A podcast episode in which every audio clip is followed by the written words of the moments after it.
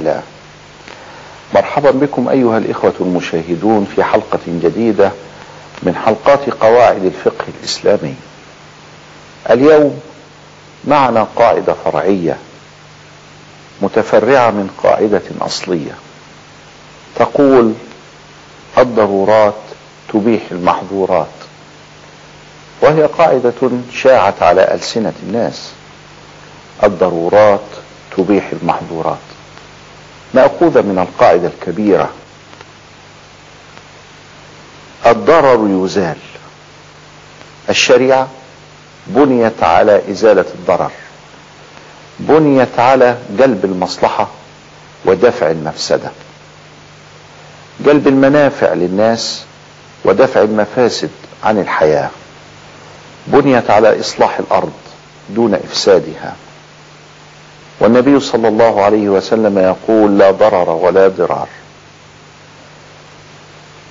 وعندما نصل إلى حد الضرورة فإن الضرورة تبيح المحظور. بشرط عدم نقصان الضرورة عن المحظور. ولذلك فحقيقة القاعدة ينبغي أن يقال فيها الضرورات تبيح المحظورات بشرط عدم نقصانها عنها.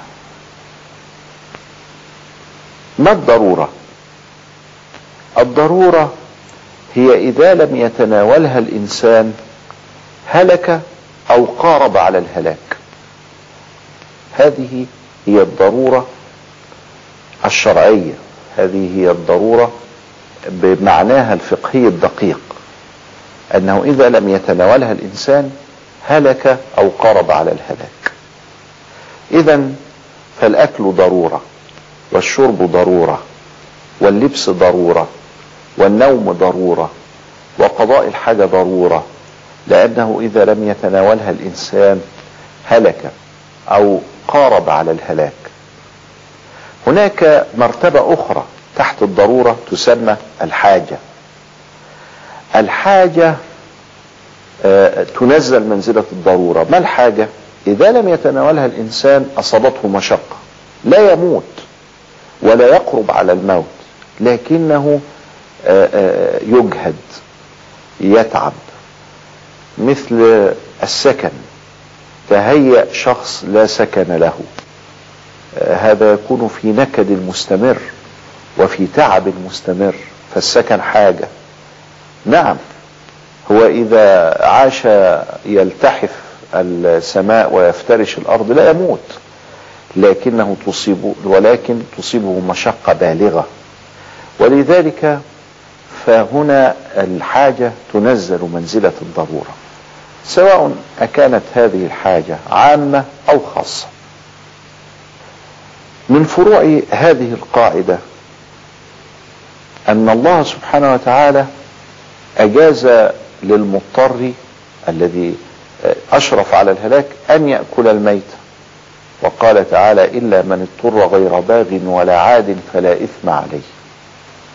الخمر حرام ولكن أجاز لمن غص بلقمة ولم يجد أمامه إلا الخمر أن يبلع الخمر حتى تنزل هذه اللقمة إلى معدته ولا تقف في حلقه فيموت. آه ولذلك قالوا إساغة اللقمة بالخمر حلال. إساغة اللقمة أي محاولة إنزالها وعدم وقوفها وحشرها في الحلق حتى لا يموت الإنسان المريء. التلفظ بكلمة الكفر عند الإكراه. نرى أن في بلاد كثيرة يكرهون المسلمين على الكفر.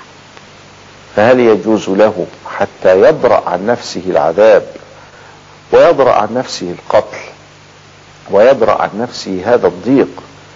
هل له أن يتلفظ بكلمة الكفر؟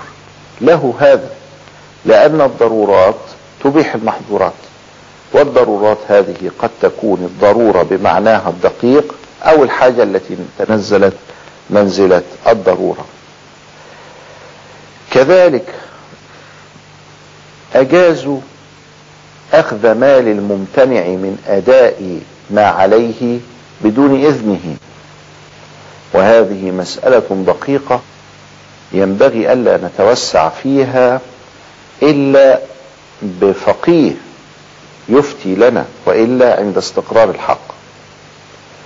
أنا لي دين عند أحدهم آه، آه، هو هذا الدين الشرط الأول أن يستقر في الذمة. الشرط الثاني ليس هناك نزاع بيني وبينه. فيه هو يعترف به. الشرط الثالث هو غني وليس معسرا. الشرط الرابع الدين محدد ومعلوم. ثم بعد ذلك استطعت أن أضع يدي على مبلغ يساوي المبلغ الذي أطالبه به ومطل الغني ظلم وهو غني.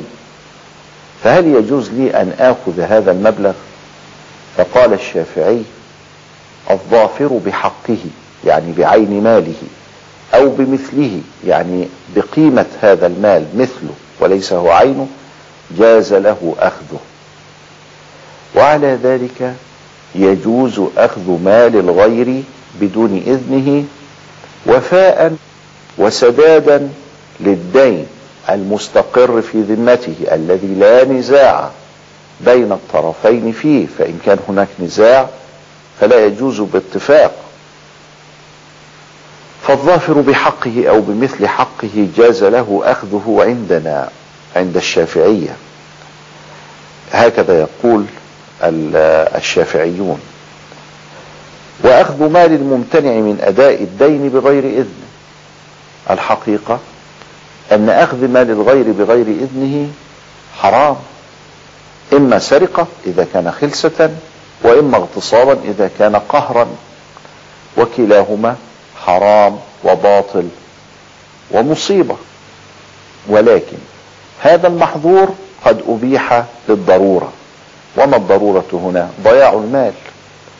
لأن هناك أوامر من الشرع لنا بأن نحفظ أنفسنا.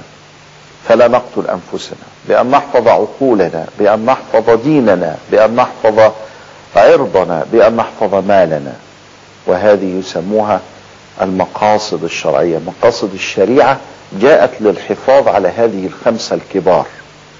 النفس والعقل والدين والعرض. والمال. هنا محظور أن أعتدي على واحد من هذه ولكن جاءت الضرورة لتبيح هذا المحظور. آه، مسألة دفع الصائل حتى لو قتل. الصائل هو هذا الذي يعتدي علي الصائل شخص قادم علي حتى يؤذيني حتى يوقع الضرر بي إما ضربا وإما قتلا وهكذا. حكم الصائل في الشريعة أن ندفعه بالأهون فالأهون. أي لو استطعنا أن ندفعه بالصد أو بالبعد عنه فعلنا. أو بالضرب ضربناه. أو بالجرح جرحناه. أو بالقتل قتلناه. قتل الإنسان حرام. ولكن هنا أبيح لما أن كانت هناك ضرورة والضرورة هي الدفاع عن النفس. لأنني لا أستطيع أن أطالب الناس بأن يبقوا هكذا مكتوفين الأيدي حتى يعتدي عليهم الصائل ويقتلهم. وأقول لهم لابد أن تصبروا فتموتوا مثلا آه، شهداء. لا. الصائل يقاوم ولكن يقاوم بالأخف فالأخف أو بالأهون فالأهون. ولكن إذا وصل الأمر إلى القتل فلا دية له ولا حرمة له. قاعدة عظيمة كبيرة الضرورات تبيح المحظورات بشرط عدم نقصانها عنها.